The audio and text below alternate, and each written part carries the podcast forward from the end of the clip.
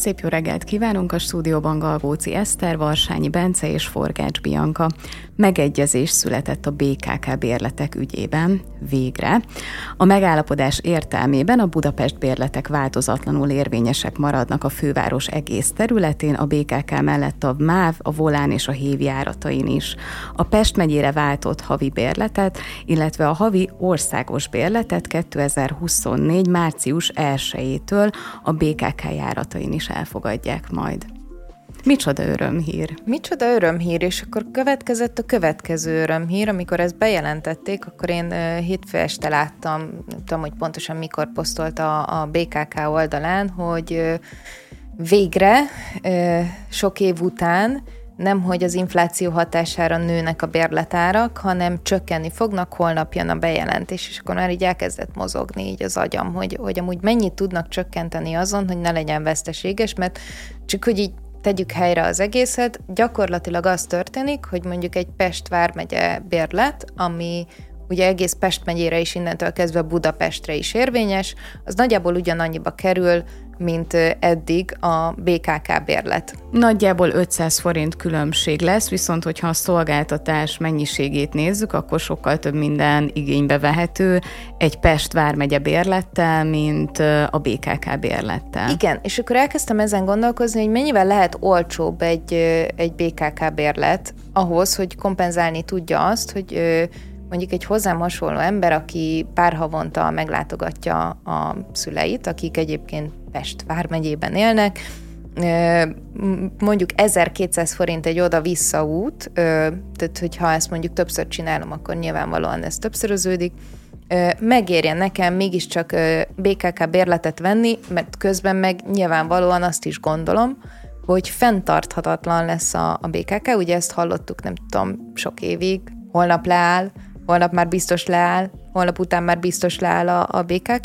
Tehát, hogy ö, nyilvánvalóan van valami felelősségérzete az embernek, hogy akkor azért mégiscsak jó lenne ö, valahol legalább azt elérni, hogy ne legyen annyira forráshiányos a BKK, hogy ellehetetlenít tődjön a közlekedés, hogy nem tudom, ezt most nyilvánvalóan rosszul fogalmaztam meg, de hogy meg a macska fel van mászva a fára, de hogy, tehát, hogy, hogy egy kicsit azt érzem, amikor kijött a hír, hogy így nem tudnak annyira lemenni, annyira olcsóra lemenni, hogy azok, akik eddig mondjuk adott esetben blitzeltek, vagy nem vették meg, mert, mert mondjuk egy tömb vonaljegyel tudtak közlekedni, azok átszokjanak a bérletre de hogyha meg, tehát hogy nem viszik le annyira az árat, akkor meg nem fogja megérni a Pest vármegye bérlet helyett a BKK bérletet venni. És akkor másnap jött a hír, hogy mennyibe fog kerülni a bérlet. Hát ugye eddig 9600, 9500 forint volt. Most 8950 forint lesz.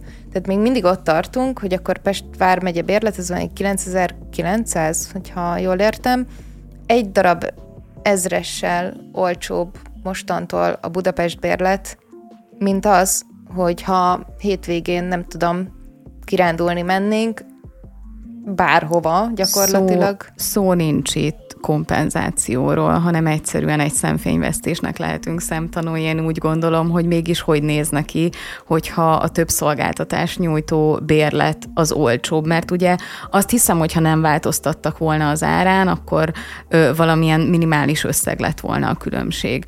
Um, Számomra az egész történetben az az ijesztő, ahogyan ennek a kommunikációja történik.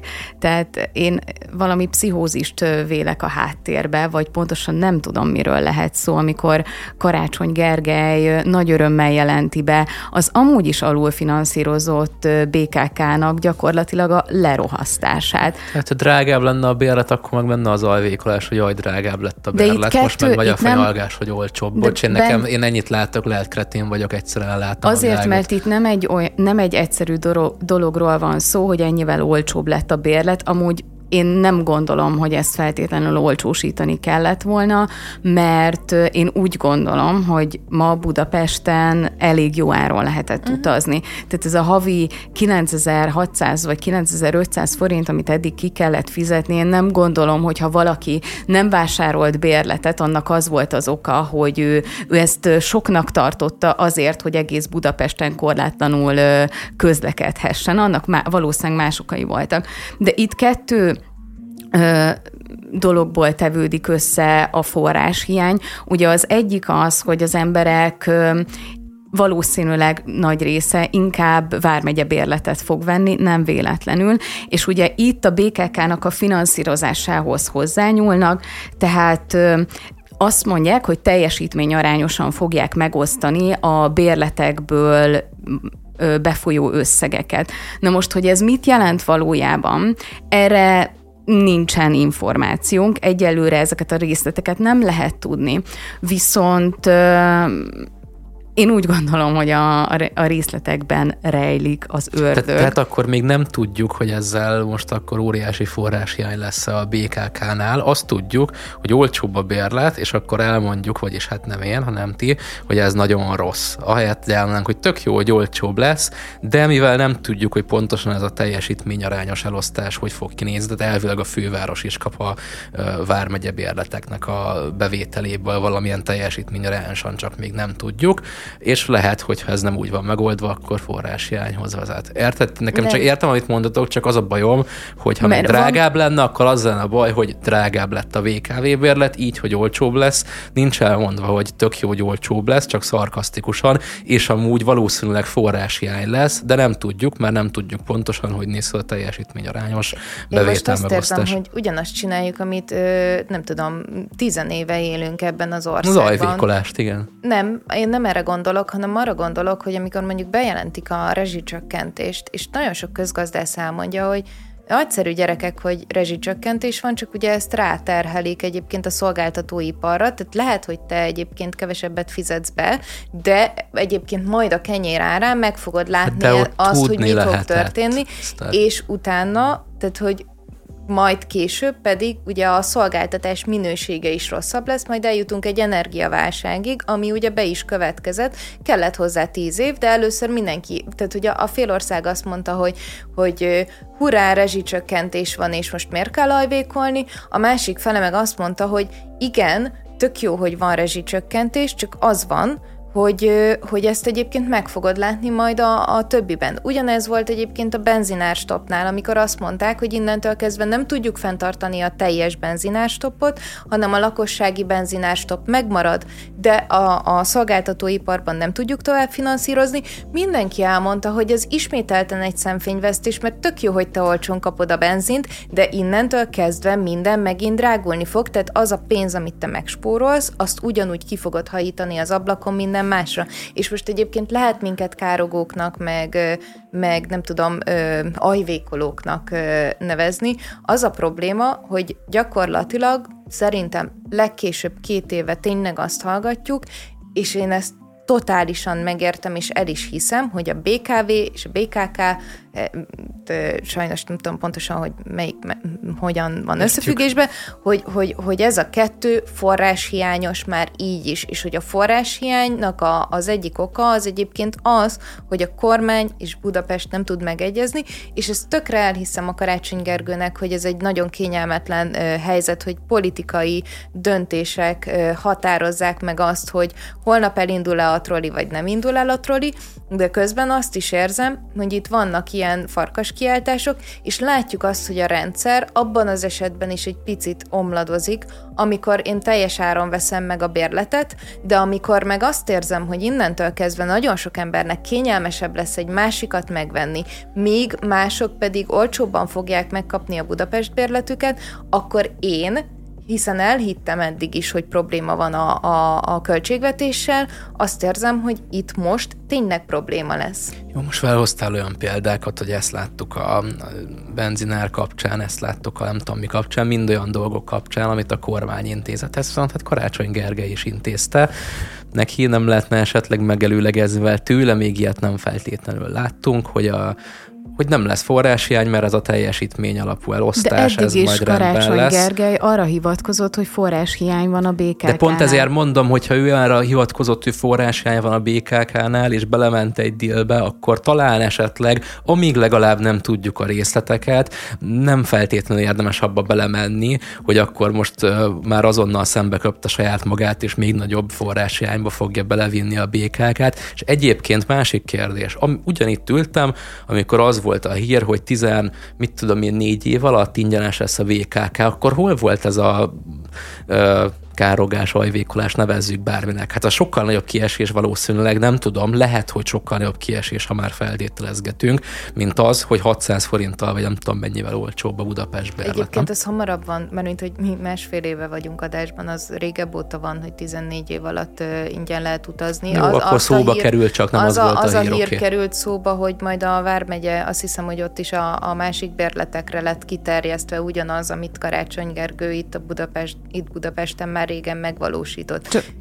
ha a funkcióját vizsgálod annak, hogy miért teszik ingyenessé a 14 éven aluliaknak, illetve az, hogy most miért csökkentették a bérletek árát, szerintem nagyon nem mindegy a motiváció. Ha lenne egy olyan összerakott pénzügyi modell, hogy ők innen szeretnék ezt visszapótolni, és ők folyamatosan szeretnék csökkenteni a BKV vagy a BKK bérletek árát, azért, hogy a közösségi közlekedést minél többen használják és népszerűsítsék, és emellé oda oda tennének egy, egy rehabilitációs tervet, hogy mi a vízió tíz évre előre a közösségi közlekedéssel, akkor ezt érteném. És honnan tudod, hogy nem ez van, Bianca? Tehát hát most onnan, hogy azt látom, címszavakból bejelentették. Nem, az, hogy ez, a, ez, ez egy hónapja, ez egy hónapja zajlik, az, hogy a Karácsony Gergelyt nagyjából szerintem sarokba szorították, mert nincsen lehetősége azt mondani, hogy ő nem állapodik meg, mert akkor tényleg egy, egy nagyon értékes dolog veszne mégpedig a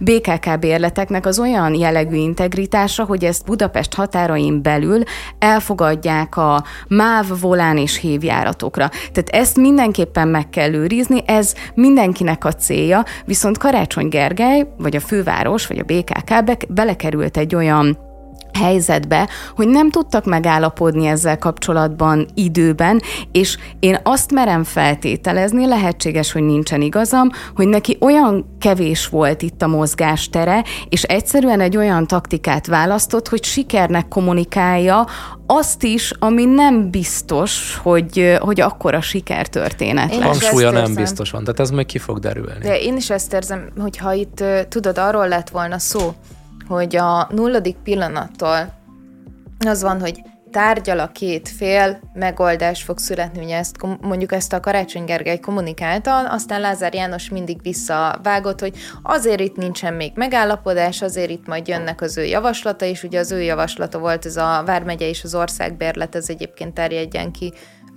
a, a BKK-ra, és tényleg azt láttuk, amúgy szerintem nem is egy, hát, vagy hát egy picit több, mint egy hónapja, hogy, hogy ment a, a tilitoli, hogy nem tudjuk, hogy mi lesz, nem tudjuk, hogy megmaradhat-e. Ugye először az volt a kommunikáció, hogy nem tudjuk, hogy megmaradhat-e, ez nagyjából ugye a két ünnep uh-huh. közé tehető, azt hiszem. Igen. Ö, majd utána jött az, hogy ah, már meg is van a megállapodás, amiről kiderült, hogy nincsen, amire Lázár János visszavágott, hogy akkor viszont meg majd ezekkel a feltételekkel lehet megállapodás, akkor mindenki elkezdte kiszámolni, hogy egyébként nem csak a BKV-nak, meg a BKK-nak lesz veszteséges az, hogyha ez így fog működni, hanem egyébként a MÁV-nak is tud veszteségeket okozni, és innentől kezdve gyakorlatilag a közösségi közlekedésnek ö, minden szektorából, vagy legalábbis elég sok szektorából olyan olyanok, ö, olyan erőforrás hiányok fognak ö, keletkezni, amelyek nem biztos, amelyek után nem biztos, hogy tudják már úgy sem működtetni, ahogyan eddig működtették, és itt most nem a BKV-ra gondolok, mert az egyébként egészen jól működik, hanem mondjuk egy, egy mávra. Ö, majd egyébként közben kibukik egy botrány arról, hogy járatcsökkentés, vagy nincs járatcsökkentés, vagy most ez miért történt, vagy azt annak hívjuk-e, vagy nem hívjuk annak, ezután nyilvánvalóan kell, hogy szülessen egy BK megállapodás, mert hogyha ez nincsen, az már egy instant ö, ö, választási vereség, és ne felejtsük el, hogy jelenleg éppen kampányidőszakban vagyunk. Tehát Karácsony Gergő nem engedhette volna meg magának, hogy bármilyen szinten is azt mondja, hogy ne haragudjatok gyerekek, a BKK bérletek jelenlegi formája nem fog működni. Tehát igen, abszolút Biankával értek egyet. Megengedhette Itt... volna magának, ha nem akarna annyira nyerni a választásra. Hát, Fontosabb igen. lenne neki az, hogy ne hazudjuk, ha feltételezzük, hogy ez így van, értem, hogy logikus, hogy valószínűleg így van, én csak nem tartom annyira feltételizésesnek, amíg nem tudjuk a részleteket, de elfogadom, hogy ez egy abszolút létező, vagy lehetséges szenárió, de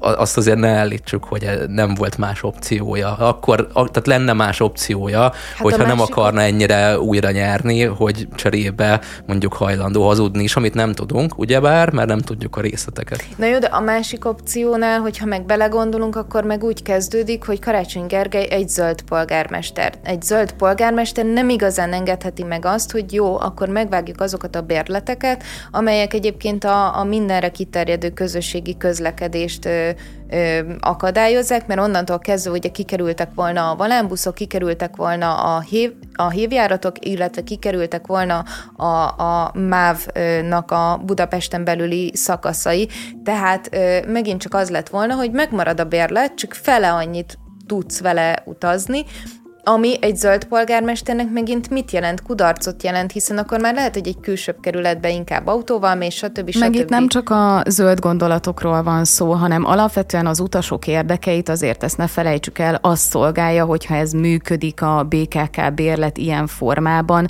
hogy, hogy integrálva van a, az agglomerációs közlekedésbe Budapest határain belül.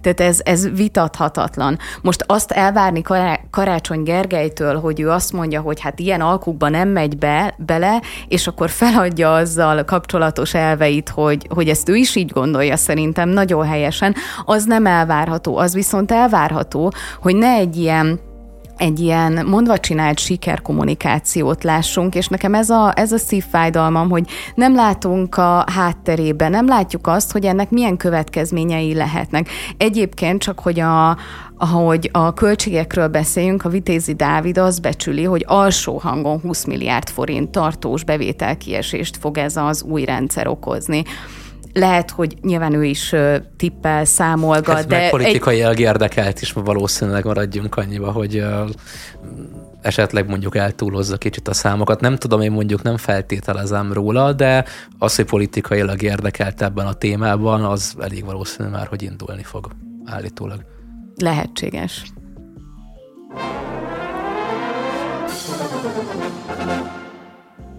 Törölték a kitörés túrát az olimpiai öt próbák közül. A szervezők ezt közleményben tudatták, és hát Novák előd felháborodott. Én meg mondjuk egyébként egy picit azon háborodtam fel, aztán utána rájöttem, hogy már nem tudok semmi felháborodni valójában, hogy ez miért is volt benne? A kitörés túra? A... Miért is ne? Nem tudom. Most csak provokálok egyébként, de tehát ugyan, ugyanígy jogos a kérdés, hogy miért is ne. Tehát túra? Túra.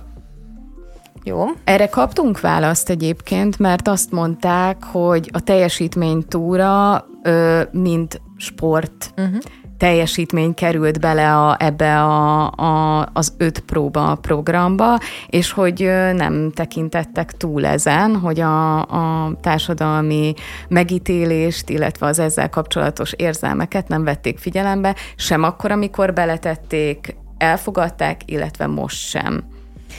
Igazából tényleg azért nem értem, tehát Bence igazad van, tehát túraként fogadjuk Szeretem el, csak közben majd elmondom még ha Köszönöm. véletlenül lenne, de már nem biztos, hogy lesz a mai nap. Ö, na mindegy, nem, tehát hogy ö, valójában itt azért van egy ö, van egy politikai színezete ennek a, a történetnek, meg van egy ideológiai színezete, és van egy társadalmi felháborodás színezete az egésznek, és innentől kezdve nekem megint egy picit az az érzésem, hogy nyilvánvalóan tudom, hogy mondjuk a, a sport maga, az nem tud teljes mértékben független lenni mondjuk politikai döntésektől, tehát hogy mindenben van egy pici politika.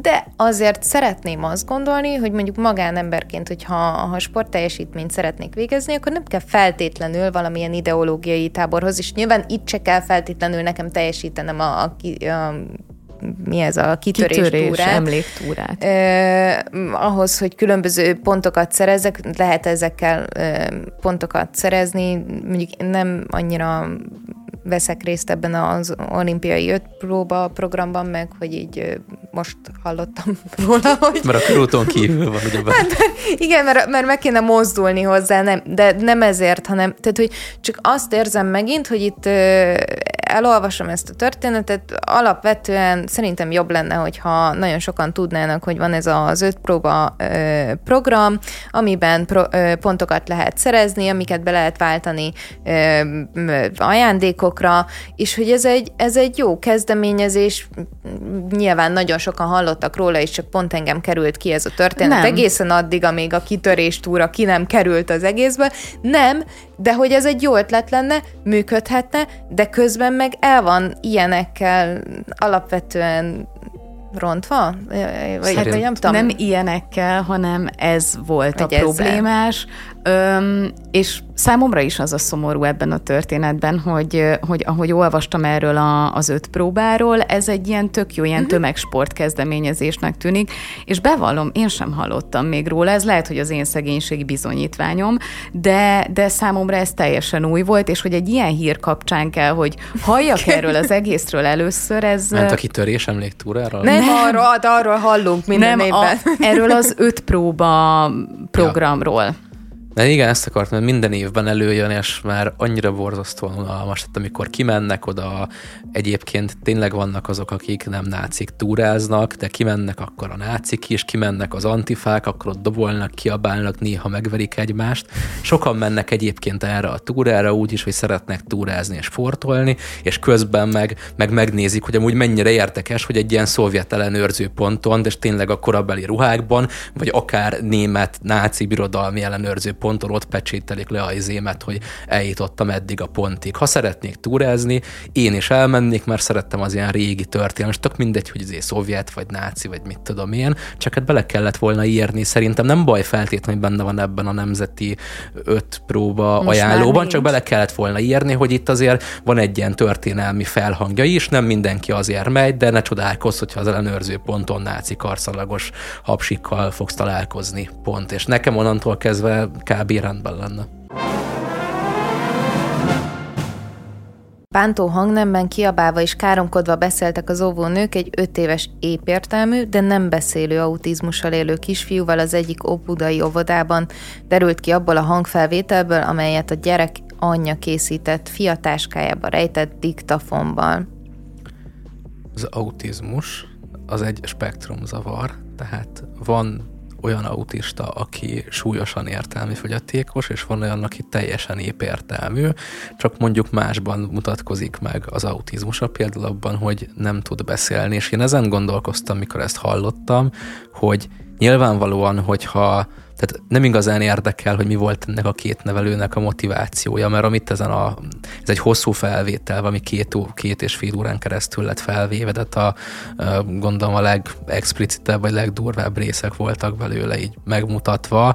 Hát itt, itt nagyon sok, már maga maga a hang nem is eléggé felháborító szerintem, nem, hogy egy, nem tudom, hogy ez egy ilyen speciális uh, igényű gyerekeknek való óvoda, vagy egy, bá, vagy egy sima óvoda, de sehol nem elfogadható, és ezen túl még le is mógliztek, meg majmozták a szerencsétlen gyereket, és nem tudom, hogy most az, áll a motiv- az volt a motivációja, vagy az áll az egész mögött, hogy ő nem tudták egyébként, hogy uh, nem értelmileg sérült a gyerek, akkor sem lett volna nyilvánvalóan elfogadható, de abba gondoltam, hogy teljesen ö, ö, érti a gyereket, öt éves, azt is tudja, hogy ez a Mowgli már látta a dzsungelek könyvét, ezzel milyen kárt okoz már a gyereknek. Nyilván, hogyha nem értené a gyerek, akkor is bántó lenne ez a hang, nem, meg alapból felháborító, de így mit okoznak ennek a szerencsétlen gyereknek? Hát nagyon jó ez a kérdés. Mm, szerintem nehéz ezt ilyen egy mondatban megválaszolni. Mit okoznak a gyereknek? Mit okoznak a többi gyereknek, akinek mondjuk ezt a példát mutatják, hogy, hogy így kell bánni azzal, aki kicsit különböző, mint mi. Tehát hatalmas probléma egymásnak az abuzálása iskolás, akár kisiskolás korban, és hát meg vagyunk rajta lepődve, hogyha a nevelőktől, azoktól, akiknek példát kellene mutatni a gyerekeknek, ilyen viselkedést láthatunk, egyszerűen borzasztó. Nem tudom, hogy mennyire játszik szerepet ebben a történetben a, a kisfiúnak az autizmusa, mert az feltételezem, hogy, hogy valamennyire megengedőbbek magukkal az ilyen hát pedagógusok, nem tudom, hogy nevezzem őket, hogyha tudják azt, hogy ez a kisfiú otthon nem tudja elmondani, hogy mi történt vele. De én élnék a gyanúperrel, hogy ez olyan esetekben is megtörténik, amikor mondjuk valaki meg tudja fogalmazni, csak mondjuk nem talál feltétlenül nyitott fülekre, vagy, vagy más okból kifolyólag. Itt is egy ilyen az egyéni felelősségnek és a rendszer szintű problémának az összemosódását látom. Értelemszerűen egyénileg ez a két óvónő nem felmenthető. Viszont az, hogy egy ilyen rendszerben működnek, ugye az anyuka elmondta, hogy nem tudott az igazgatónővel beszélni, érezte, hogy probléma van a gyerekével, és egyszerűen nem tudott kommunikálni, tehát már, már ez is a rendszer szintű problémának a része, és akkor még bele sem abba, hogy az óvó, óvónők, óvodapedagógusok milyen fizetést, milyen megbecsülést kapnak, milyen a, a, a pozíciójuk, ki megy egyáltalán oda, mennyire tudják megszűrni ezeket az embereket. Tehát ez szerintem nagyon hasonló, mint amikor az egészségügynek a problémájáról beszélünk, vagy a, a betegszállítókról, hogy, hogy van egy rendszer szintű probléma, és egyszer, és ez a szörnyű az egészben, hogy, hogy szerintem ez sem egy ilyen elszigetelt eset, hanem ez nagyjából minden nap megtörténhet. Nem csak a fizetésrendszer szintű probléma, hanem az is, hogy amennyire én tudom, nincsen komolyabb rendszeres szűrés uh-huh. mentálhigiénés szempontból az ilyen nevelőknek, vigyázóknak, bárkiknek, ha én jól tudom legalább, nem tudok róla, hogy lenne. Én is Már pedig szerintem egy szar reggel vagy nap, vagy hét azért nem okozza azt, hogy az autista gyereket lemauglizzuk, még szerintem a kifejezetten ö, kretén embereknél sem. Én azt látom, hogy a, meg hallottam történeteket, hogy akár az egészségügyben kiszolgáltatóbb emberek körében, akár így gyerekeknél, ha gyerekekkel így beszélnek, el tudom képzelni a pszichiátrián, mi történik egyébként, vagy hogy bánnak ott az emberekkel. Hát arról is hallottunk sztorikat, nem csak itthonról, hanem ö, egyébként külföldről is. Ö, én nem hiszem, hogy aki mondjuk nem csak egyszer, kétszer mondjuk kicsúszik egy nem, nem az, hogy le, lemajmozom a gyereket, hanem kicsúszik valami, amikor valami rosszat csinál a gyerek, hanem tényleg így bánik vele, hogy annak nincsen valami ö, mentális problémája. Nem azt mondom, hogy elmebeteg, hanem esetleg olyan feldolgozott traumája, szorongása, bármi szarja, amit aztán kivetít, meg lever azokon, akiket neki kéne nevelni, vigyáznia, és a többi. Most itt az a probléma, hogy amikor a, a pedagógus sztrájkok megjelentek, majd utána nem sztrájk, hanem ugye mindenféle egyéb tüntetés, meg ellenállás, meg mindenféle, akkor az egyik probléma, amire megpróbálták felhívni a figyelmet, vagy az egyik probléma, amire évek óta egyébként a szakszervezetek is és pedagógusok is megpróbálják felhívni a figyelmet, az az, hogy a speciális nevelési igényű gyerekek helyzeté, helyzetére nincsen valódi megoldás. Hiszen, hogyha őket kizárólag speciális nevelési igényű intézetekbe helyezik el, akkor a, az, a kilátásaik, mert mint hogy így oktatási szempontból merőben romlanak, mert egyébként igenis vannak olyan gyerekek, például amennyire én értelmezem a cikket, ez a, a, a, a gyermek is, akik ö, egyébként képesek a rendes oktatási rendszerbe beilleszkedni, és utána egy teljes értékű ö, életet élni. Nyilvánvalóan ettől függetlenül nagyon sokszor vannak akár magatartásbeli ö, problémáik is. Tehát nem nem megoldás a szegregáció. Viszont ennek következtében ugye az elmúlt években nagyon sok speciális nevelési igényű gyermek került be különböző csoportokba, akár többen is, és nem ezzel lenne a probléma, mert ugye ez segíthetné azt, hogy hogyan tudnak a későbbiekben is majd beilleszkedni, hogy teljes értékű életet tudjanak élni, hanem az a probléma, hogy mindemellett a pedagógusok viszont nincsenek felkészítve arra, nem csak az óvoda pedagógusok, hanem, hanem a későbbiekben sem, nincsenek felkészítve arra, hogy hogyan tudják ezt a helyzetet jól kezelni, mert azért ehhez is kellene egy külön képzés, akár, vagy, vagy egy külön rendszeresített tanfolyam. A pedagógus nincs nem úgy külön képzés erre. Hát úgy értem, de nem, de nem azt értem, hogy külön pedagógus kell, hanem azt, ért, azt értem ez alatt, hogyha ha valaki mondjuk akár egy, egy matematika tanár, és mondjuk van az osztályában három Én speciális értem. nevelésű, ö, ö, gyár, ö, nevelési igényű gyermek, akkor nyilvánvalóan velük máshogyan kell foglalkozni. Tehát nekik kellene azokat a képzéseket beiktatni, amelyekkel egyébként megkönnyítik az ő munkájukat is, megkönnyítik a gyermekek életét is, és gyakorlatilag össze tudják tartani a, a közösséget. Hát ez Én értem, sincsen. csak amikor nincsen, nincsen munkaerőse, akkor így a rendszernek nem az a, tehát teljesen logikusan nem az a prioritása, hogy akkor ilyen képzéseket, meg felkészítéseket tartsunk, hanem hogy bepótoljuk a helyeket, és így még nagyobb eséllyel csúszhatnak olyan emberek, akik nem igazán alkalmasak. Egyébként, ha nem rendszer szinten nézzük, én legalább annyiban, annyinak tudok örülni ebben az egész hírben, hát minek lehetne olyan örülni annak, hogy uh, gyorsan kivizsgálták meg, kellett kivizsgálni, meghallgatták a felvételt ezen túl, szerintem nem is nagyon kell bármit vizsgálni, mert magáért beszél, és azonnali hatályval felmondtak ennek a két kegyetlen nevelőnek. Hát csak Ez, azt ízlelgessük, hogy ehhez egy gyernek, gyereknek a táskájába el kellett rejteni egy diktafont, hogy ez Nyilván. megtörténjen. Azért szerintem ez elég sajátos, hogyha a szülő valamit észrevesz a gyerekén, nem tud beszélni az igazgatóval, nem tud nyitott fülekre találni olyan tekintetben, hogy valaki foglalkozzon az ő problémájával. Amikor ő készít egy hangfelvételt és elküldi, és az RTL mondjuk lead egy riportot, na akkor akkor foglalkoznak vele. Hát az anyuka elmondja, hogy akkor vette fel neki az, isko- a, az óvodaigazgató a telefont, amikor megtudta, hogy készült egy hangfelvétel. Tehát én nem biztos, hogy csak a két óvónőnél rendelnék el vizsgálatot, azért az igazgatónőnek a hozzáállása is hagy némi kívánivalót maga után. Én azon gondolkoztam még ezen felül, hogy meddig fontos a kormánynak, a társadalomnak, hogy minél több magyar gyerek szülessen. Mert hát valljuk be azért, ezek a történetek nem feltétlenül hozzák meg a kedvüket a nőknek vagy az embereknek a gyermekvállaláshoz.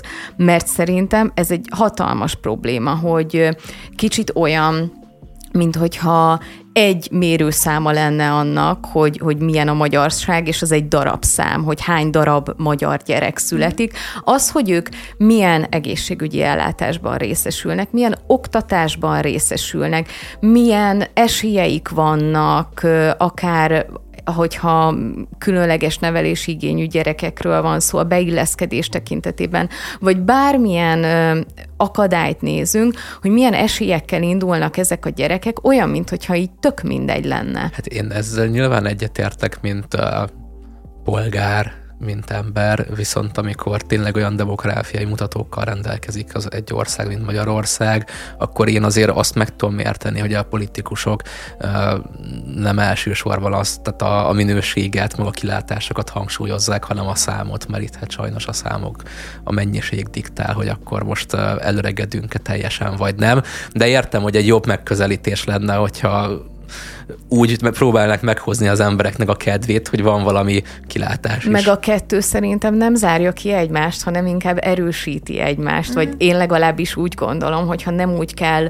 tekintened a gyereknevelésre, hogy majd egy ilyen óvónőhöz kell bevinned a gyerekedet, hogyha nem tudod megfizetni a magánovodát, majd az iskolában mi fog vele történni, hogyha ezek a... Csak az a dolgoz, bocsik, csak az a dolgozni kell, tehát itt ilyen rendszereket kell javítani, meg megváltoztatni, de hát lehet azt mondani, hogy szüljem-e hazárló, vagy különben most le nyilván eltúloztam, tehát... Igen, igen, én is ezt a könnyű utat látom ebben, csak hát kérdés az, hogy mennyire eredményes. Most én nem azt szeretném állítani, hogy az a demográfiai probléma, hogy rossz az oktatás, vagy az egészségügy, vagy hogy vannak problémák, de hát könyörgöm azért valamilyen tekintetben szerintem részese a problémának. Nem, nem, nem valamilyen tekintetben részese, én itt szerintem a, amit ki kell hangsúlyozni, az tényleg az álságosság. Egyébként pont beszéltünk pénteken az otthonszülés kapcsán már alapvetően a, a szülésekről is, mi is abban maradtunk, hogy valójában ugye a, a kormánykommunikációban ez a családbarát ö, rész, az, hogy legyen három-négy gyermeked, az pont addig tart, hogy ezt így, nem tudom, ha ezt, ezt a számot teljesíted, akkor kapsz érte pénzt. De cserébe már ott a nulladik pillanatban, amikor mondjuk azt kell kiválasztanod, hogy hogy szülöd meg azt a gyereket, már te akadályoztatva vagy, és aztán és a következő kell... pillanatban kezdődik a gyermek élete, amely meg hatványozottan ö, ö, hátráltatva van. Tehát nem is az a probléma ezzel, hogy, hogy sokan átlátják, hogy itt milyen egészségügyi rendszer van, milyen óvodai, meg iskolai ellátás van, és emiatt majd tömegesen nem fognak gyermeket szülni, hanem ez az egész álságos kommunikáció, hogy mi egyébként megvédjük a gyerekeinket, mitől? Tehát, hogy tényleg a szexuális felvilágosítástól kell megvédeni, és nem attól az óvónőtől, aki egyébként mamuglinak hívja. Tehát köszönjük szépen, mert nyilvánvalóan ezzel sokkal többre megyünk az, amit hallgatunk, az nincsen pariba azzal, ami egyébként ebben az országban történik. És szerintem ez, a, ez az iszonyatosan nagy probléma, amit egyébként egy ilyen hír kapcsán is muszáj, vagy én azt gondolom, hogy feltétlenül muszáj elmondani, mert nem biztos, hogy változtatni fog, de legalább mondjuk ki, hogy tényleg probléma van. Mielőtt végighallgattam a felvételt, így feljegyzeteltem magamnak azért a, a, az iskolák, óvodáknak az egyik funkcióját, vagy az általam vélt egyik funkcióját, ez még pedig a, már pedig a gyerekeknek a betörése. És konkrétan elhangzott a felvételen, hogy betörjük a mauglit, és ez annyira hogy mondjam, így arcon vágott, hogy, hogy alapvetően szerintem sok ember így gondolkozik a, az oktatásról, vagy az annak nevezett gyermekfelügyeletről, ami sokszor zajlik, hogy megtörni a gyereket tudja, hogy hol a helye, tudja ki a főnök, legyen hálás azért, hogy nem kap két pofont, és akkor hallgatom ezt a felvételt, és elhangzik ez, hogy betörni a mauglit. Lehet, hogy egyébként pont ez a, az eredője annak, hogy ilyen embertelen módon viselkedett a két nevelő, mert őket őket is annó betörték, magyarul szépen így traumatizálták, aztán majd felnőtt korukban azokon leverik, leverik szépen, akik meg az ő gondjukra vannak bízva, úgyhogy én remélem, hogy ezt az öt éves kisrácot ezzel az embertelen bánásmóddal nem sikerült betörni, és emiatt nem megy majd tovább így a ciklus szépen. Igen, ebben szerintem megint csak az a, a probléma, hogy, hogy így és ezért mondtam, hogy nem, nem kerülhetjük meg a, a rendszer szintű problémákat, mert nem tudom, hogy itt az óvónők egyébként hány évesek és nem szeretnék egyébként ageizmusba belemenni, de hogy azért nyilvánvalóan tudjuk, hogy jó pár évvel ezelőtt, akár még egy évtizeddel ezelőtt is, még Magyarországra azért nem érkezett meg az, hogy, hogy igen, egyébként a gyermekek már korai stádiumban akár ö, diagnosztizálva vannak, és nem csak azt mondjuk, hogy Pistike egyébként egy, egy kifejezetten rossz gyerek, aki két pofont érdemel, hanem azt tudjuk mondani, hogy egyébként van egy, egy, egy problémája, vagy, vagy spektrumzavarral rendelkezik. Fiatal azt hangja valahogy... volt a nevelőknek, csak ennyit mondanék, tehát nem valószínű, hogy ilyen nagyon idősek, tehát képbe lehettek volna lehettek, de érted, hogy teljesen minden, valójában az oktatási rendszerünkben kódolva van, és igen, ez hogy szerintem egy, nem, nem mindegy, hanem így hatványozottan rosszabbá teszi a történetet, de az oktatási rendszerünkben kódolva van ez, hogy gyakorlatilag nem vagyunk hajlandóak odafigyelni a gyerekek igényeire, hanem a berögzött mintáinkat folytatjuk, amiben meg ugye benne van az, hogy ezek a gyerekek csak rosszak, akiket meg kell büntetni. Hát talán olyan pedagógusokat kellene választani, akik nem a saját traumájukat próbálják meg feldolgozni azáltal, hogy a gyerekekre ugyanazt vetítik ki.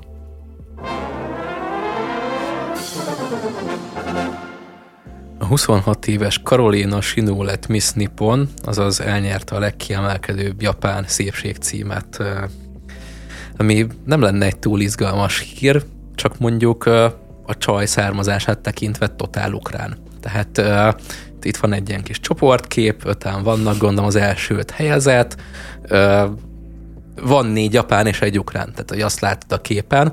Ö, utána azt nyilatkozta, öt éves kora óta egyébként Japánban él, folyékonyan beszél japánul, és azt nyilatkozta a CNN-nek a szépségverseny megjelenése után, hogy azt akarom, hogy japánként ismerjenek el. Most én értem, hogy egy ilyen tényleg etnikailag tök homogén országban, még akkor is, hogyha öt éves korod óta ott élsz, meg folyékonyan beszélsz japánul, ez egy vágy benned, hogy japánként ismerjenek el, már sokan nem ismernek, hetnek ott úgy el. Viszont hát egy szépségverseny lehet, hogy másról szól. Itt egy történészt is idéz a 444, egy japán történészt. A fai megkülönböztetés teljességgel elfogadhatatlan, kezdi, de, nem vagyok rasszista, de, de ha nem itt viccelek, mert én egyetértek vele például, de ha a Miss Nippon verseny a szépség fogalmán alapul, akkor én személy szerint jobban örülnék, ha az a japán szépség normáit venni alapul. Karolina Sinó megjelenésével egy etnikailag japán lánynak esélye sincs nyerni a szépség modern értékeit figyelembe véve.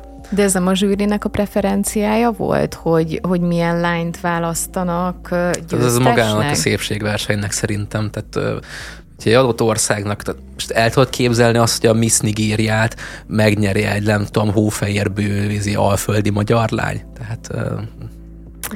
Érdekes kérdés, viszont szerintem ennél sokkal érdekesebb az, hogy mi a fontos, a, a külső jegyek, vagy pedig a, a nemzeti identitás. Hát a szépségversenynél gyanítom, hogy a külső jegyek, mert ez egy abszolút Jó, de ez nem egy, ez nem egy szépségverseny kérdés, hogy ő elég szép volt, vagy nem volt elég szép, hanem az, hogy ez egy japán szépségverseny, és egy japán szépségversenyen azoknak a szépségideáloknak hát kell megfelelni. És aztán ugye megmérkőznek a misszión, nem úgy van, hogy megnyered az országost, ezt a Miss hungary vagy Nippont, vagy Figyelj, mit, és akkor annyi... mész a Miss Universe-be, ott meg tényleg aztán lehet bármilyen nemzetiségű, bármilyen bőrszínű, ott... ott nem vagyok akkor... benne biztos, annyi szépségverseny van szerintem, hogy nem feltétlenül mm. ez a, ugyanaz a rendezvény, fogalmam sincs.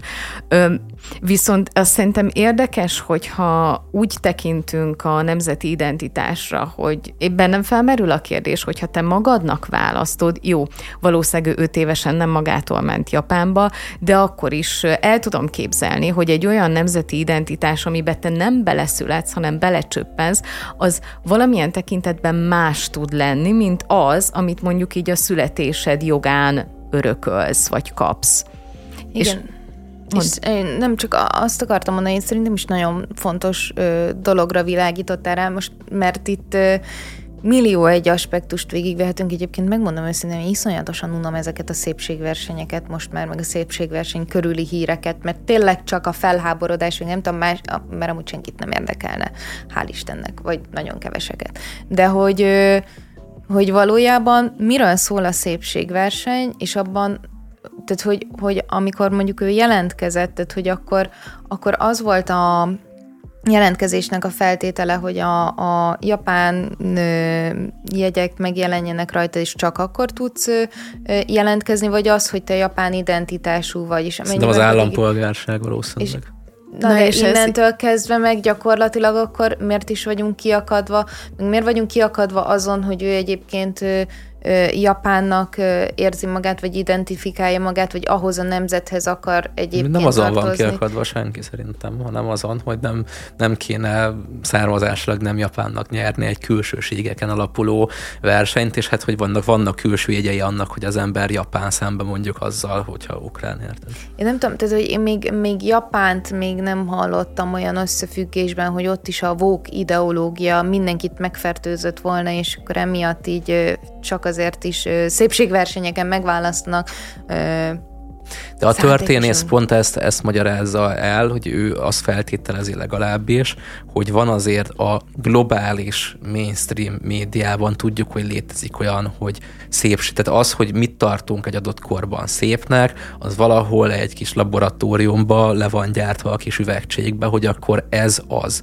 És hát nem kifejezetten a, a, a japán vagy egy összességében az ázsiai szépségideál az, ami globálisan az uralkodó, hanem inkább, sokkal inkább, ami egy nem ázsiai, mondjuk egy ukrán szépség. Ezt most jól megfogalmaztam, de értetek. Ezt ö, sérelmezi a történész is. Tehát, hogyha itt indulhat bármilyen szép japán, hogyha indul egy nem japán, akkor valószínűleg De azt fogja megnyerni, hogyha a globális szépségipar által diktált mainstream uh, szempontok alapján választanak. Jó helyen tűnik, tapogat szerintem, amikor arról beszélsz, hogy szerintem az indulását meggátolni, azt szerintem nem lett volna fair. Az, ja. hogy őt választották a legszebbnek, az már tényleg egy, egy zsűrinek a döntése. Vagy És nem? az sem fair a japánokkal szemben illetve egyébként, tehát hogy én értem a, a történésznek az álláspontját, és még valahol azt is mondom, hogy elfogad, elfogadni, amúgy mindenkinek a véleményét elfogadom. De hogy közben meg, tehát hogyha nem a globális értékeket nézzük, hanem azt nézzük, hogy egyébként ez egy Japánban lezajlott japán szépségverseny, ahol egyébként nyilvánvalóan valamilyen szinten más, mind a, a szépségipar, mind a, a szépségtrendek, és mind az, hogy egyébként ők kitartanak szépnek. Ez egyébként nemzetenként változó, hogyha megnézed, nyilván van egy globális trend, meg nyilván vannak, vagy voltak mindig is olyanok, akik ezen felülálltak, és ők voltak kikiáltva a szépségbálványnak, de amúgy van igenis olyan, hogy egy nemzet valamit szépnek tart. De tényleg, hogyha a Miss Nigériát megnyerte volna egy fehér alföldi lány, ugyanezt a beszélgetést érdekel. folytattuk Igen, volna le, én nem nagyon biztos vagyok benne, érdekel, hogy nem. őszintén. Jó. Múlt hét pénteken volt Krubi Arena koncertje. Hát én sajnos csak ilyen képeket és rövid felvételeket láttam a koncertről. Ugyan volt jegyem, de most kettővel jobban kell figyelnem a testi épségemre, és a nagy tömegre való tekintettel úgy döntöttem, hogy kihagyom. Viszont a nagy tömegtől való félelmem picit indokolatlannak tűnt azok után, ami hát a koncerten történt, ugyanis terjeng az interneten egy felvétel, amin azt látható, hogy a biztonsági őrök, a Volton emberei, hát egy szórakozni vágyó fiatalt, aki beszeretne jutni elméletileg arra a helyre, ahova neki a jegye szólt, hát egy ilyen enyhe sokkolóval kínálták meg. Ez az enyhe sokkoló, ez hát hogy mondjam, a sokkoló az akkor enyhe, mert alapvetően nem hal meg tőle senki, de azért nem javaslom mégsem senkinek a használatát, mert senkinek nincsen a fejére írva, hogy van esetleg valami szívritmuszavara, vagy bármi szívbetegsége, úgyhogy az a feszültség, amit egy ilyen sokkoló lead, egy ilyen problémával rendelkező embernek, akár még halálos is lehet. Ez egyébként nagyon-nagyon trükkös volt a biztonsági őr, mert hát ha én jól tudom, jó, hát igazából Magyarországnál, bá, Magyarországon bármi lehet az ilyen uh, típusú embereknél végül is, de jogilag nem. Én nem hiszem, hogy így uh, uh, lehet törvény szerint sokkolózni, vagy egyáltalán magadnál tartani, de a ez rendőr, a kínai piacon vett A rendőröknek cucc. lehet. Videón teljesen látszik, hogy ez egy, ez a Józsefvárosén kapható például zseblámpa, és sokkoló. Tehát ele, a videón látszik, hogy eleinte csak mint a zseblámpával világítaná, hogy látszódjon a csávó, ami nyilván kreténség, mert közben videózza valaki vakuval, tehát teljesen fény van, de gondolom ő így nagyon undercover akar lenni, az nem sokkoló, és amikor azt hiszi, hogy nem látszik, akkor meg megnyomja azt a gombot, amivel sokkol a zseblámpa. Na mindegy, ez csak egy ilyen finom kis részlet, hogy uh, ilyen bátor biztonsági őrök vannak a Walton Security-nál, vagyis gondolom ki fogják rakni, de hát érdekes az is, hogy miért mindig a Valtonnal van ö, probléma, amikor mondjuk a Sziget Fesztiválon szokott balhé lenni, gyakran, nagyon sok a részek, nagyon sok a részek külföldi, akit a biztonsági nem is értenek, hogy mit makognak, mert nem tudnak ö, ö, sokan ö, idegen nyelvet beszélni közülük, viszont valahogy mégis általában ezt sikerül rendesen kezelni. A Valtonnal meg mindig évente, fél évente van valami probléma. Itt ugye az volt, hogy aki kiemelt állójegyet vett, tehát egy valak pénzt kifizetett azért, hogy a, nem a tehát a küzdőtérnek a színpadhoz a legközelebbi részén állhasson. Nem tudom mennyi volt, de alapból a küzdőtérre ilyen 20 ezer volt, nem a jegy. Nem, nem, annál nem? Akkor, volt. akkor 10 ezer, a kiemeltre biztos, hogy 20 felett, az is lehet, hogy 30 felett volt, nem tudom. Nem, nem kevés pénz.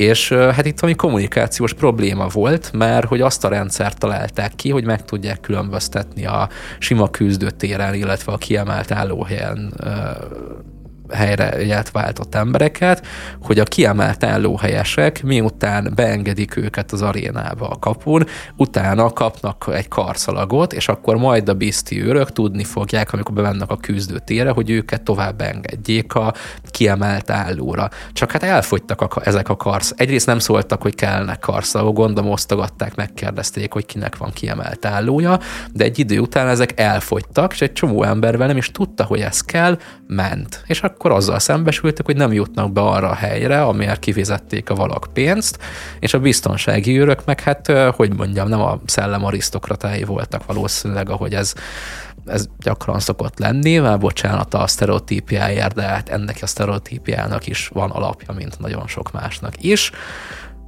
És hát a felvételből látszik, hogy de a nagyobb társaság volt, ami négy, négy-öt ember volt, ezek ilyen párok, rokonok, akármi, és hát nyilván ideges volt az, voltak, idegesek voltak az emberek, be akartak jutni, de amikor már a nőket ellökték a biztonsági őrök úgy, hogy elástak, akkor meg nyilván elszabadultak a férfi indulatai is valamennyire, akik velük voltak, és be akartak jutni, és akkor sokkolózták le, mikor a kordont így ráncigálta a pali. Nyilván ő is kezelhette volna higgadtabban, de amikor már megy, nem tudom mennyi ideje a koncert, tehát itt már ment egy, már a második, harmadik szám ment éppen, és kifizette, mit tudom én, tegyük fel 30 ezer forintot, és az ő adminisztrációs hibájuk miatt van probléma, és akkor nem akarnak beengedni, lehet én is megráncigálnám egy kicsit a kordont, de azért nem várnám el, hogy lesokkolózzanak, és utána meg ö, ilyen fejszorításba kivigyenek nyolcan az arénából. Mert, mert ugye az volt a történet, hogy utána valakit beengedtek a társaságból, de aki ott a kordon ráncigált, akit lesokkolóztak, meg annak a sógorát talán, aki az is lehet, hogy kicsit, ő is lehet, hogy türelmetlenebből lépett fel, azt kivitték, megvárták a rendőreket, a rendőrök kijöttek, és hát nem így volt írva a cikkben, de gondolom kirögték őket, hogy na jó van, akkor inkább foglalkozunk fontosabb ügyekkel. Kihívta ki a rendőröket? A... a... Hát gondolom a Valton a Valton, aki illegálisan uh, sokkolót Hát az, az, az, az, biztos azt hitte, hogy majd megúszza, mert mm. látszott a felvételen, hogy nagyon sunyiba ezzel a uh-huh. zseblámpa, sokkoló, zseblámpa per sokkolóval nyomult. Tehát érted, annyi, annyi tökösség azért nincsen ezekben a szekusokban, itt úgy látszik, hogy mondjuk egy viperát előráncsanak, hogy tessék, mert akkor tudják, hogy mondjuk meg fogják őket büntetni, de mi van, hogyha nem úgy veszik kamerával a sokkolót, hogy az, az sunyiban is meg lehet oldani azért, és akkor nincs bizonyíték, hát szerencsére nem sikerült ennek a kreténnek megoldani a sunyiban. Erről nagyon sokan beszámoltak, hogy a beengedésnél ilyen jellegű probléma volt, hogy elfogyott a karszalag, valamilyen módon nem jutottak el oda, ahova szólt volna a jegyük, ami hát nyilvánvalóan egy szervezési hiányosság, most, hogy ez az aréna felelőssége, vagy, vagy kinek a felelőssége, ezt nem fogjuk tudni megoldani, megfejteni, de hát minden esetre tényleg egészen sajátos, hogy, hogy emberek csak szeretnének eljutni oda, ahová megváltották a jegyüket, és hát ilyen elbánásban részesülnek.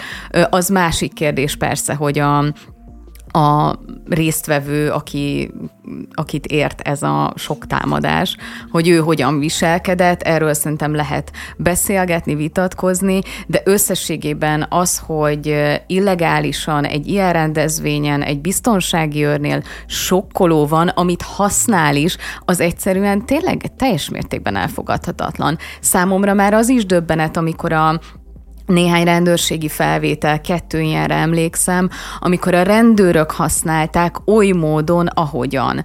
Kettőször volt olyan eset, egyszer talán a katás tüntetésen, egyszer meg egy ilyen kilakoltatásnál. Hát hogy beszéltünk össze... akkor 2006-ról is, ugye, tehát a gumilövedékről, meg egyebekről, meg a viperáról, ugye. Akkor de, nem. de az elmúlt évek, szerintem az elmúlt évek híreire utalt most a... Igen, ja, ja, ja igen, csak nekem meg ezt a sokról durvább, tehát ott ugye vipera is volt meg minden, nekem annyira megvan a fejemben az a felvételem, és a gumilövedékkel a szemkilövetés, amit ugye minden adásban felemlegetünk mindenhol, minden lehet, műsorban, lehet hanem durvább. a vipera, Én nem azt mondom, amit hogy rejtegettek, és utána letagadták, megy az újságíró, hogy izé, mi az ott egy vipera, és akkor a rendőr így néz fel, van a YouTube-on keresétek meg, hogy vipera, ez egy veszélyes állat, miért, miért lenne nálam?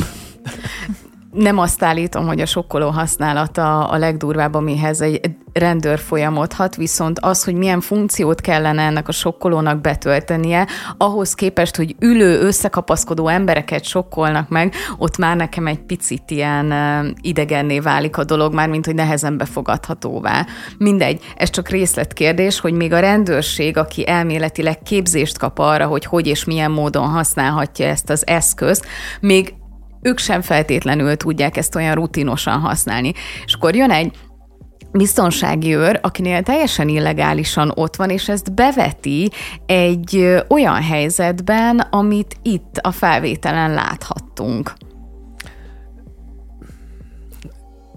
Én nem tudom, most csak a példádon gondolkozom, hogy amikor összekapaszkodva ülnek, és ott valahogy el kell oszlatni a tömeget, a, a vízágyó az elvileg egy teljesen legitim mód az oszlatásra, csak az oda kell vinni ugye a kocsit, az infrastruktúrát, és egyszerűbb megoldani. Sokkolóval kérdés, hogy mennyire törvényszerű, de ott szerintem egy kicsit más a dolog fekvése egy olyannál, mint amikor ezt egy biztonsági őr csinálja egy ilyen szituációba, de ne fel, hát nem a, kéne feltétlenül belemenni ennek Hát a csak arra akartam kiukadni, hogy még azok az emberek, sem használják ezt feltétlenül szakszerűen, akiknek engedélye van ennek a viselésére és használatára. Mert én úgy tudom, hogy a sokkoló nem erre való, hogy összekapaszkodott embereket sokkoljunk, hogy fel tudják bontani ezt a láncot, ráadásul oly módon, hogy felszólítás nélkül érted ezzel ja, a ja, problémámat. Ja.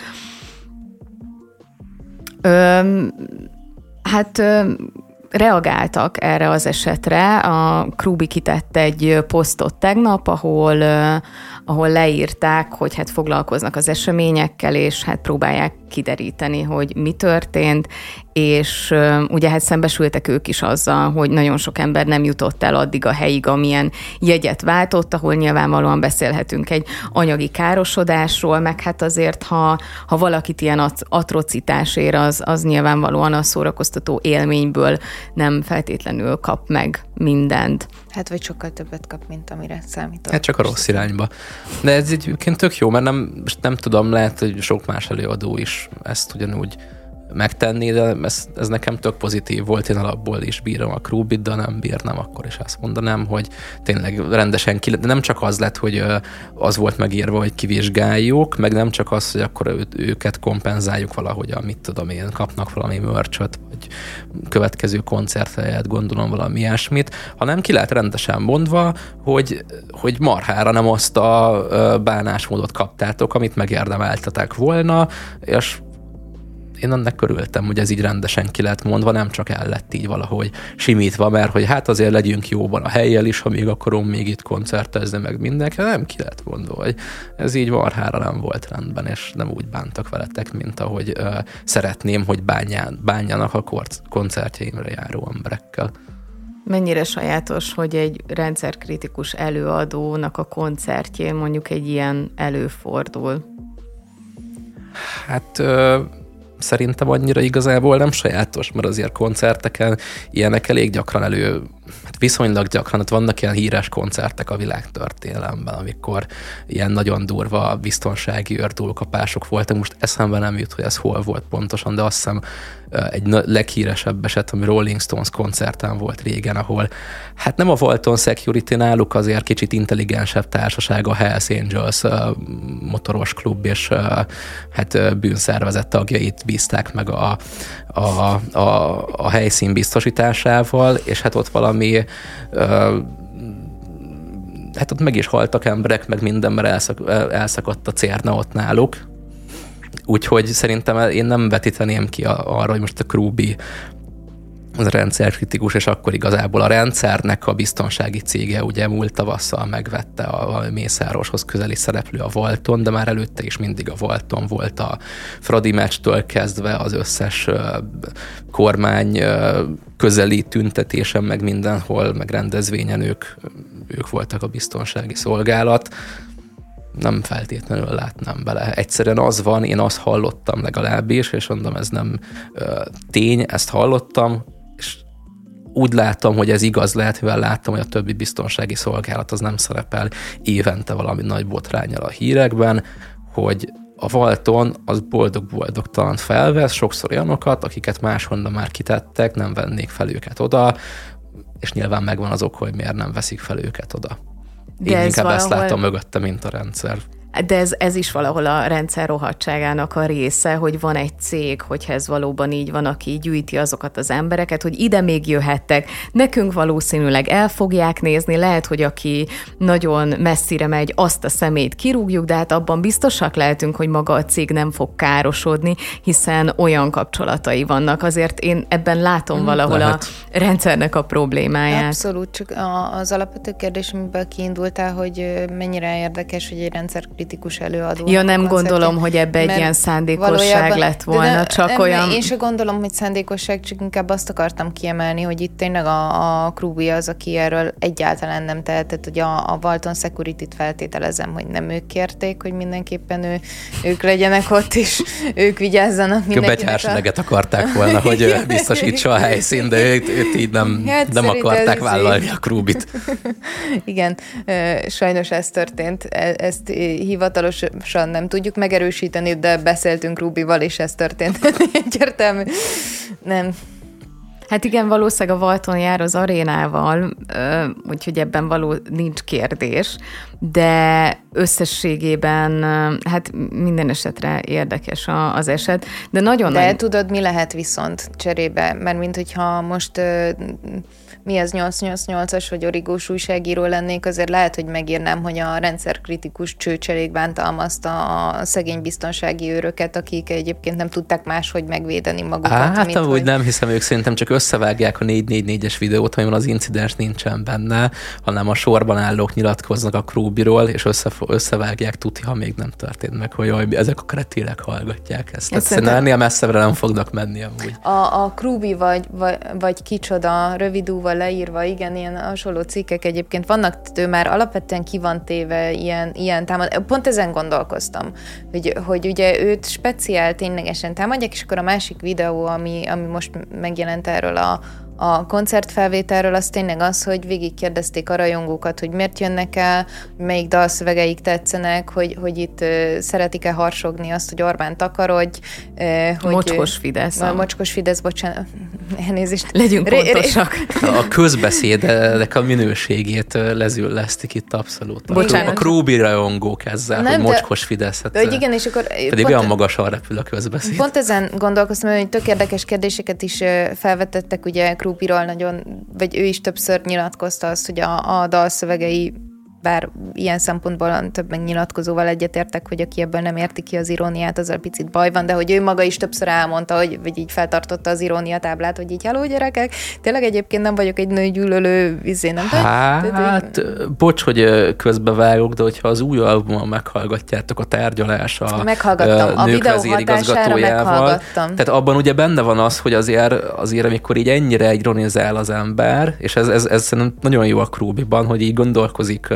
magán, meg azon, amit csinál, és akkor ezt így meg is osztja velünk, ami pláne jó, hogy oké, okay, ironizál, de azért elfilózik rajta néha, hogy biztos ez a maszk, amit így felvett, az így nem ö, ragad-e oda az arcára, és hogy biztos mindig irónia már ez a szexizmus. De pont ez a jó szerintem a Krúbiba, hogy sokszor reflektál önmagára, a saját maga kritikáját Mhm. is nagyon sokszor beleírja a dalokba, vagy legalábbis én kihallom. Ö, és szerintem ezért olyan csodálatos ez a, ez a szám, meg ez az egész nem tudom, amit millió, amit lefest ezzel a dallal, hogy, hogy benne van a, a társadalomnak a reakciója is, az ő iróniájára és a sajátja is. Szerintem egy különösen jó dal. Hát Én is azt éreztem benne egyébként, mert, mert hogy ezt is ugye felhozták, és ö, megvallom őszintén, hogy én Krubit korlátozottan hallgatom, szeretem, csak hogy így nem teszi ki a mindennapjaimat.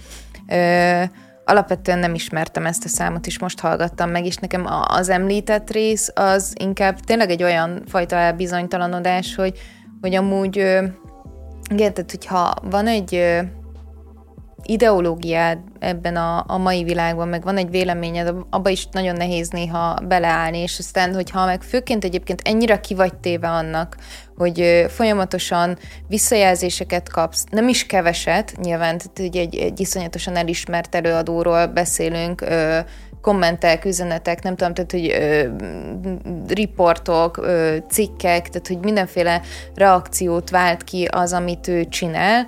Nyilvánvalóan van, amikor, amikor ö, önmaga is elbizonytalanodik, amúgy szerintem alapvetően is normális elbizonytalanodni, még egy nagyon összetett világképben is, sőt, amúgy az lenne mindig a jó, hogyha ezt, ha ezt beszélgetésekkel, a körülöttünk élőkkel, a, nem tudom, a Néha felülvizsgálnánk. Néha felülvizsgálnánk.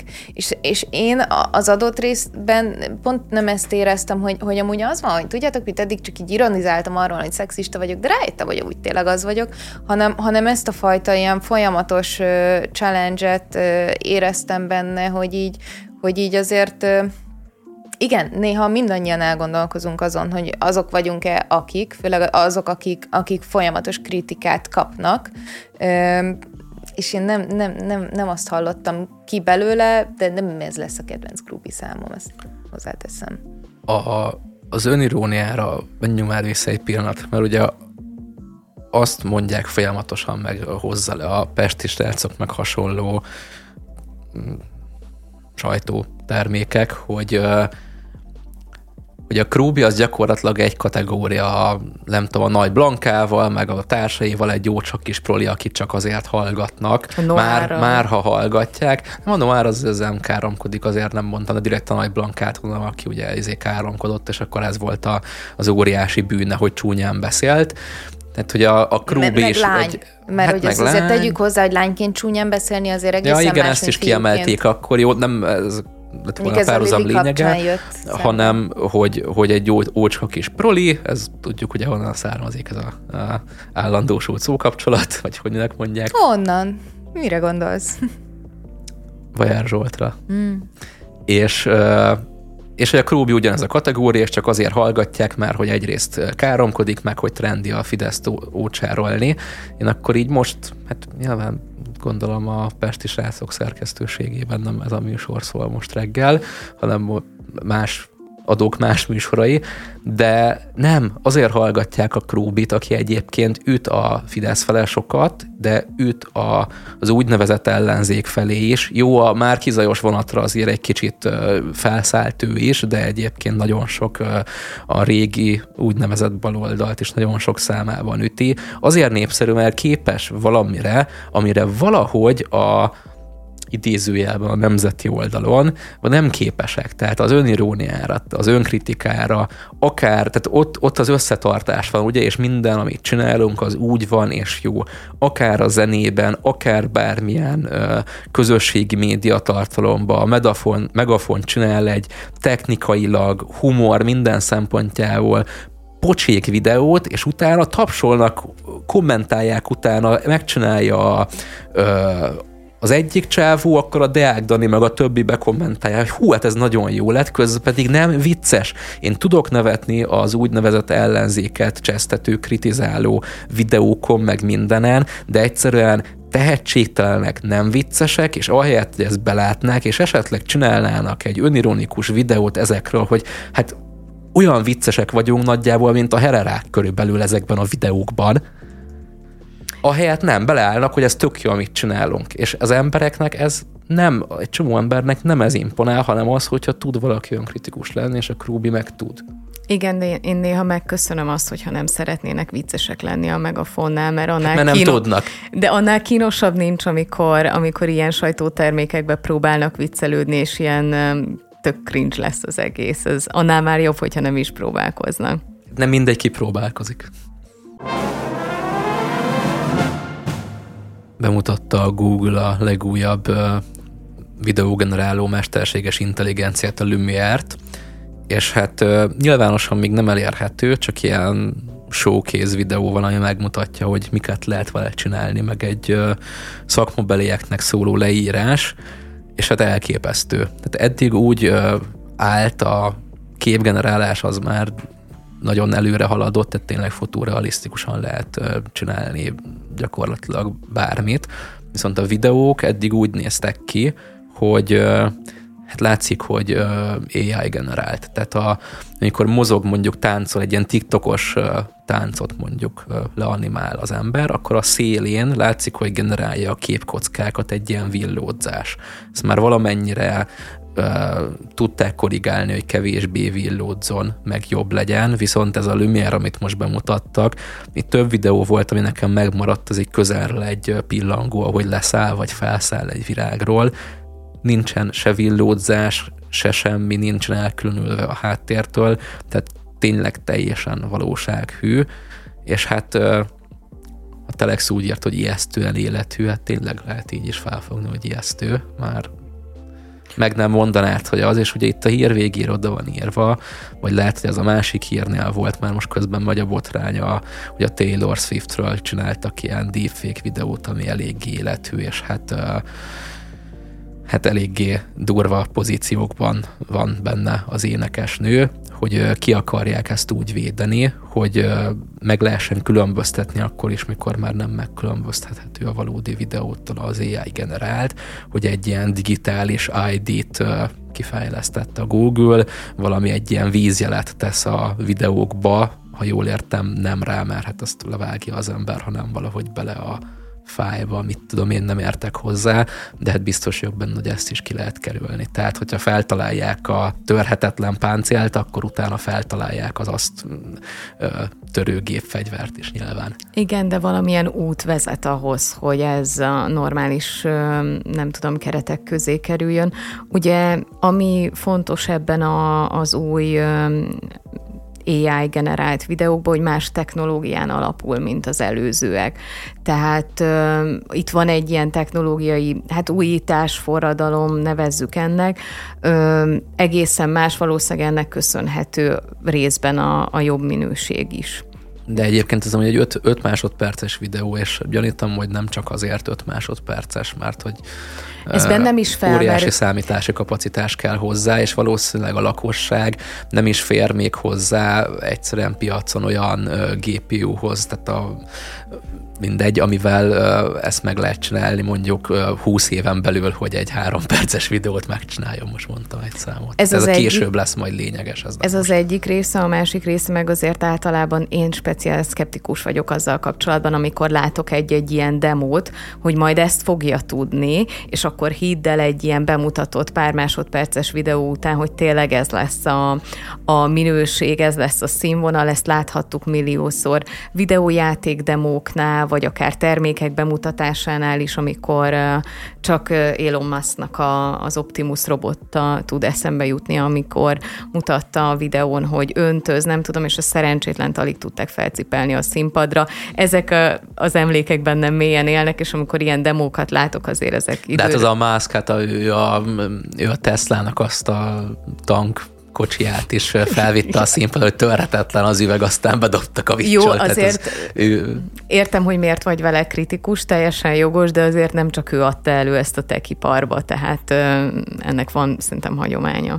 Szerintem el fogunk jutni egyébként odáig, hogy ha nem is holnap, vagy holnap után, hogy ez lakossági felhasználásra is kerülhessen. Én arra csatolnék vissza, Bence, hogy mondtad ezeket a, az ID-kat, meg hogy ezek meg lesznek majd különböztetve, hogy, hogy itt szerintem úgy tudnak ezek óriási problémát generálni ettől függetlenül, és ezt nem fogjuk tudni kivédeni, hogy most is gondoljatok bele, hogyha elterjed egy hír, és Magyarországon viszonylag sok ilyet látunk, amikor mondjuk egy olyan kép van berakva, ami nem is az adott esemény kapcsán készült, éppen migránsok nyilvánvalóan erőszakoskodnak, és aztán és kiderül, még AI sem kell és hozzá. Rá van írva, hogy Berlin, és kiderül, hogy Kairó 20 évvel ezelőtt. Igen, igen tehát hogy, hogy, hogy valójában az a probléma, hogy, hogy én értem, hogy majd azoknak, akik ilyen iszonyatosan körültekintően szeretnének eljárni abban, hogy most melyik videó AI által generált, és melyik az, amely, amely nem, azok egy szűk rétegen majd kiabálhat, hogy de egyébként az nem is igaz, és nem is úgy volt, csak pont ugyanúgy fognak járni vele, mint amikor most sajtóperek, nem tudom, milliói tudnak lefutni évekkel később igazat ad, vagy. Jó, egyébként lehet, hogy tényleg mégsem úgy volt, lehet, hogy azt a képet ezt nem úgy kellett volna berakni, tehát hogy, hogy, hogy ugye a probléma az az, hogy ameddig nem vagyunk felkészülve társadalmi szinten, már pedig, tehát alapvetően én azt látom, hogy még az internetre se vagyunk teljesen felkészülve, hogy a folyamatos információáramlásra, az információk megszűrésére nem vagyunk teljes mértékben felkészülve, addig teljesen mindegy, hogy milyen ID-t raknak mögé, hogyha kimegy egy ilyen videó, pont ugyanúgy, mint ahogy kimegy egy véletlenül rosszul választott kép, vagy, vagy, vagy kimegy egy olyan lejárató kampány, amiben egy felújítás során egy kalapács van valakinek a kezébe, teljesen mindegy, hogy te utána meddig vered az asztalt, hogy az nem így volt, és ez nem igaz, addigra már eszméletlenül sokan elhitték. Hát olyan, mint a fogtündér, nem az a lényeg, hogy létezik, hanem hogy hiszel benne. De nem hogy... létezik? én, én nem állítottam sem megerősíteni, sem cáfolni, nem tudom, csak azt mondom, ez is egy olyan, hogyha valaki elhiszi azt, ez tényleg a Taylor Swift, aki szexuális viszonyt létesített, nem tudom, milyen sok emberrel, meg hogyan. Tök mindegy, hogy nem igaz, hogyha már elhiszi egy ember, sok ember, meg lehet utána nézni a fájban az ID-t, akár az már megtörtént. Tehát, ja. Ugye kettő oldala van ennek, hogyha látsz valamit, egyszerűen van egy prekoncepciód ma már, hogyha valaki egy kicsit tájékozottabb, vagy jobban benne van ennek a, nem tudom, fake newsnak a világában. És ugye első ránézésre mit tudsz tenni? Benyomás alapján gondolsz valamit, hogy szerinted ez egy valós hír, vagy valamilyen ferdítés, csúsztatás van benne, ezt eldöntheted akár úgy is, hogy megnézed a hírnek a tartalmát, vagy azt, hogy mondjuk melyik portál hozta le. És utána lehet lépéseket tenni, hogy utána néz, hogy megpróbáld felderíteni a valóságot, de hát idáig azért kevesen mennek el, én úgy gondolom. Hát még ma is. Ma is. Ö, viszont az a az a folyamat, az mindenkiben lezajlik ma már, hogy látsz egy teljesen mindegy, egy képet, vagy egy szalagcímet, és van egy benyomásod róla, hogy ez igaz, vagy nem igaz. És a saját preferenciádnak megfelelően el tudod dönteni, hogy te szeretnéd elhinni, hogy ez az esemény megtörtént, vagy pedig rögtön rámondod, hogy hát ez egy nyilvánvaló ferdítés, csúsztatás, és nem hiszel az egészben.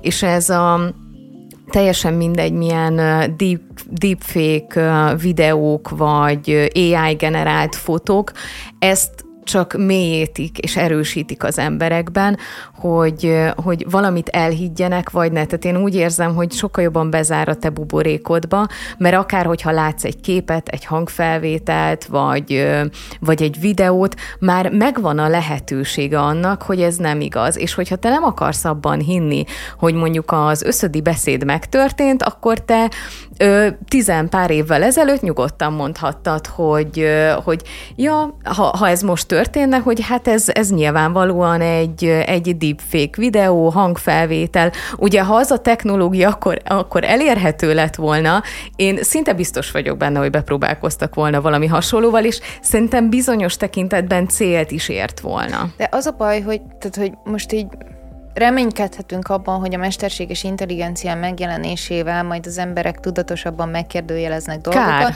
kár. Vagy, vagy egyébként így buborékosodunk, de hogyha belegondolsz, akkor ennek millió elődje volt, aminél ugyanezek nem történtek meg. Ott van a Photoshop, amikor ugye emberek tömege egyébként felfogta, megértette, sőt szerintem ma már ugye mindenki tisztában van vele, hogy bármikor összevághatunk olyan képeket, amelyek a valóságban nem készültek el. Egyébként ilyeneket használtak politikai kampányokra, és nyilván egy miniferiben talán már kevéssé hisszük el, hogy, hogy azt tényleg, tényleg felvette a Universal Pictures, hogy nem, nem hogy ez melyik... A miniferi.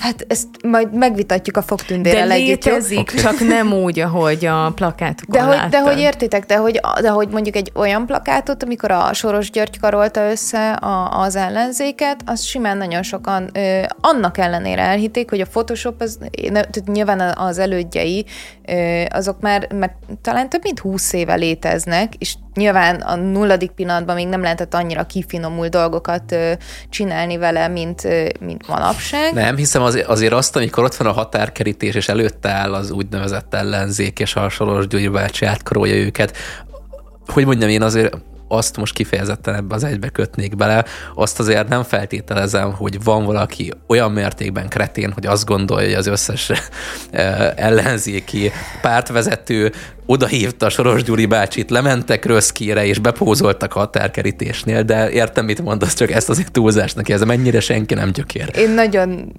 szeretném Bence nevében is elnézést kérni attól, aki elhitte, hogy ez a plakát létezik, nem tartjuk gyökérnek, csak azt gondoljuk, hogy nem feltétlenül van felkészülve arra, hogy van ilyen, hogy... De az üzenet átjön, és ez a lényeg. Az, hogy ez megtörtént, vagy nem történt, az jelen esetben másodlagos. Minden esetre még egyelőre hallhatjuk, hogy Orbán Viktor énekli az Adide a Didit, és azt valószínűleg még mindenki tudja, hogy ez egy AI generált, nem tudom... Én abban se vagyok biztos, hogy azt mindenki tudja egyébként, hogy ez egy AI generált, tehát hogy én tényleg... Hát mondjuk az le, tehát hogy az el tudnám képzelni élőben is a, a TikTok kontentek után. Egyébként a... Jó, akkor lehet, hogy rossz helyen tapogatózók, lehet, hogy a Gyurcsány-Orbán duetteket kellett volna felhoznom, mert talán arról már nem, lehet mert abba, abba, De azt az se gondolom feltétlenül, hogy az egész ország azt gondolja, hogy ez nem létezhet. Hát ugye a 90-es évek politikájából indulunk ki, akkor ott ugye tényleg az volt, hogy a parlamentben óriási vitánk, majd utána pedig egy gyere gyulus és összeölelkezések voltak a, a, a parlamenti folyosón. Én nagyon, én, tehát hogy és nyilván ö, belegondolva csak abba, hogy 10 millióan élünk ebben az országban, hogy ki min gondolkozik, hogy ki mit hihet és ki mit gondol, abba szerintem simán beletartozik az is, hogy itt sokan azt képzelgik, hogy Orbán Viktor és Gyurcsány Ferenc amúgy jobban vannak, és csak szemfényvesztés, ami, ami előttünk zajlik. Na legalább ezt Krúbi is megénekelte. Nem, nem, tehát, hogy na igen, de, hogy a másik problémám, amit itt gyorsan szeretnék kitenni az asztalra, hogy, hogy az AI lakossági felhasználásában ö, ugye azt látjuk, hogy mondjuk képeket nem tudunk generálni celebekről, mert mint hogy az úgy le van tiltva benne. De. de tudom, én De. Mond, szerintem én mondtam el neked a, a, a kulcsát, hogy hogy tört fel múlt héten, amikor nem. beszéltünk vele róla, mindegy. Tehát, hogy igen, van, van kulcs, hogy, hogy fel tud törni ezt a, ezt a, a dolgot, de hogy maradjunk annál, hogy hivatalosan csak a szabályozások miatt. Hivatalosan celebekről nem készíthetünk AI által generált történetet, és ez tök jó. De, jogilag de nincsen szabályozva még. Jogilag nincsen szabályozva, hivatalosan nem tehetjük meg, de az osztálytársunkról bármikor csinálhatunk egy pucerképet, tehát hogy így ez nekem ugye annyira nem oké, tehát hogy, hogy felhasználhatunk bármilyen embert, és akkor csak a mikroközösségünkben tudunk kárt okozni, legalább a celebekben. Hát eddig is tudtuk hogy lerajzolni, rajzolhattad eddig is pucéran. Na jó, csak hogyha eddig lerajzoltam pucéran, akkor nem gondoltam mindenki, hogy ő a, nem tudom, izé, Na, ö, aki ezt körbe küldi. Hadd említsem már még meg azt a cikket, amit nem tudtam elolvasni, mert Paywall mögé van rakva természetesen, és most a, az adás előtt nyílt meg előttem a Paywall a New York Times-nál, Noam Chomsky, aki hát ugye nyelvész, de rengeteg könyve, meg előadása, meg mindene van politikai kérdésekben, filozófiai, etikai kérdésekben, hát mindenben én, én egyébként nagyon csípem. Érte egy elég hosszú cikket, mint kiderült. Én meglepődtem, hogy rövid, de az csak azért, mert az, annyi volt a paywall előtt. Amit olvastam, arról tudok beszámolni. Tehát az a címe, hogy a ChatGPT hamis ígérete, és itt igazából az AI-ról értekezik. Egyrészt, hogy egyrészt kritizálja azt, ezeket a híreket, mint ezt a Lumière-t, ami kapcsán most beszélünk, amit azonnal ö, azt állítják, hogy na most már elértünk oda, na most már, hogy még nem vagyunk ott, szerintem majd azért ott leszünk, és a, az igazán nagy kritikája magával a, az ai meg a gépi tanulással kapcsolatban az, az az, hogy igazából a tudományt és a, az etikát azt itt teljesen degradálni fogja, vagy degradálja, mert hogy beépült alapvetően hibás etikai megfontolások épülnek be a mesterséges intelligenciába. Én nem tudok ebben egyetérteni feltétlenül vele, mert még mindig mi irányítjuk a mesterséges intelligenciát, tehát szerintem a, az emberek hibás etikájának a leképeződése csupán. Ő ezt ő ezt máshogy látja nyilván nálam, egy sokkal tájékozottabb, meg okosabb ember, de ebből a pár bekezdésből, amit el tudtam olvasni, nekem ez jött le, meg hát nyilván az is a megfontolása, mint tudós embernek, hogy ez igazából egy plágium gép hát erről is ír. De ez egy érdekes kérdés, tehát, hogy mennyire, amíg nem érjük el azt a pontot, hogy saját magát tanítja az AI, addig igazából, hogyha nem etikusan cselekszik az AI, az, az igenis az emberek felelőssége, és nem a technológiái. Ezért szerintem. is. Tehát a, nem a fegyverek ölnek, ugye, hanem az ember, aki el, elsüti a Ezért is lenne borzasztó fontos, hogy felvegyük a fonalat a szabályozással kapcsolatba, illetve amit Eszter te pedzegettél, hogy például pornográf tartalmakat előállítani, az gyakorlatilag lehet. 2023-ban lett egy olyan szabályozás az Egyesült Királyságban, hogy megosztani AI által generált pornográf tartalmat nem lehet, de hát könyörgöm 2023-ban 23-ba jutottunk el odáig, hogy egyáltalán valamilyen módon megfogalmazzuk, és ez is már egy picit nekem itt kilóg a lóláb, hogy, hogy szoftveresen azt bele lehet építeni, hogy sztárokról ne lehessen megcsinálni, de egyébként, hogyha az osztálytársadról vagy az ellenségedről van szó, akkor ezt gond nélkül megteheted, és akár az etikai szempontokat nézzük, akár az AI-nak a szerepét, vagy az ilyen jellegű kényes tartalmakat, én ezt látom iszonyatosan veszélyesnek, hogy nem fogja tudni a szabályozást tartani ezzel az ütemet.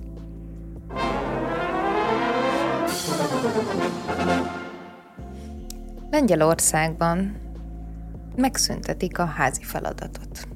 Valójában erről fogunk most beszélgetni, mert az oktatásügyi miniszter pénteken valóban bejelentette, hogy az általános iskolákban betiltják azt a gyakorlatot, hogy hogy házi feladatot kapjanak a gyermekek. Felháborító. Nekem is kellett írni, hát kelljen a mostani kölykök. Így van, is... nyomorítsuk meg a következő generációt is. Amíg nem a házi pálinkát tiltják be, addig szerintem nincsen gond. Azért uh... szerintem van. Tehát, hogy érted, ha nekem rossz volt, neki is legyen rossz, meg aztán utána mindenki másnak is legyen rossz, és amúgy is, hogyha a gyerek nem a házi feladatot írja, akkor még, még foglalkozni is kell vele, vagy Meg mi? akkor mit fog csinálni? Hát nem, hát akkor tiktokozni fog, meg drogozni. Fog. Tehát tök egyértelmű, hogy vagy házi feladatot ír, vagy tiktokozik, és az utcán herbálozik. Tehát ez, ez a két út van. De egyébként én most viccet félretéve azért így elgondolkozom, hogy tök jó, hogy nincsen házi feladat, én is örültem volna neki, nem, nem akarom, hogy tényleg ilyen nagyon felesleges, és kb. csak a gyerek idegesítésére jó feladatokat kapjanak, mert úgy van jó házi feladat is, meg van rossz is, tehát azt is tudni kell jól feladni, meg megfelelő mennyiségben ne legyen túl, túlterhelve a gyerek. Én nem vagyok teljesen biztos, és nem a gyerek, azért mert szivatni akarom a gyerekeket, hogy a totális betiltás az jó-e, de nem vagyok oktatás kutató, vagy mit tudom én, ki az, aki ezt meg tudja mondani.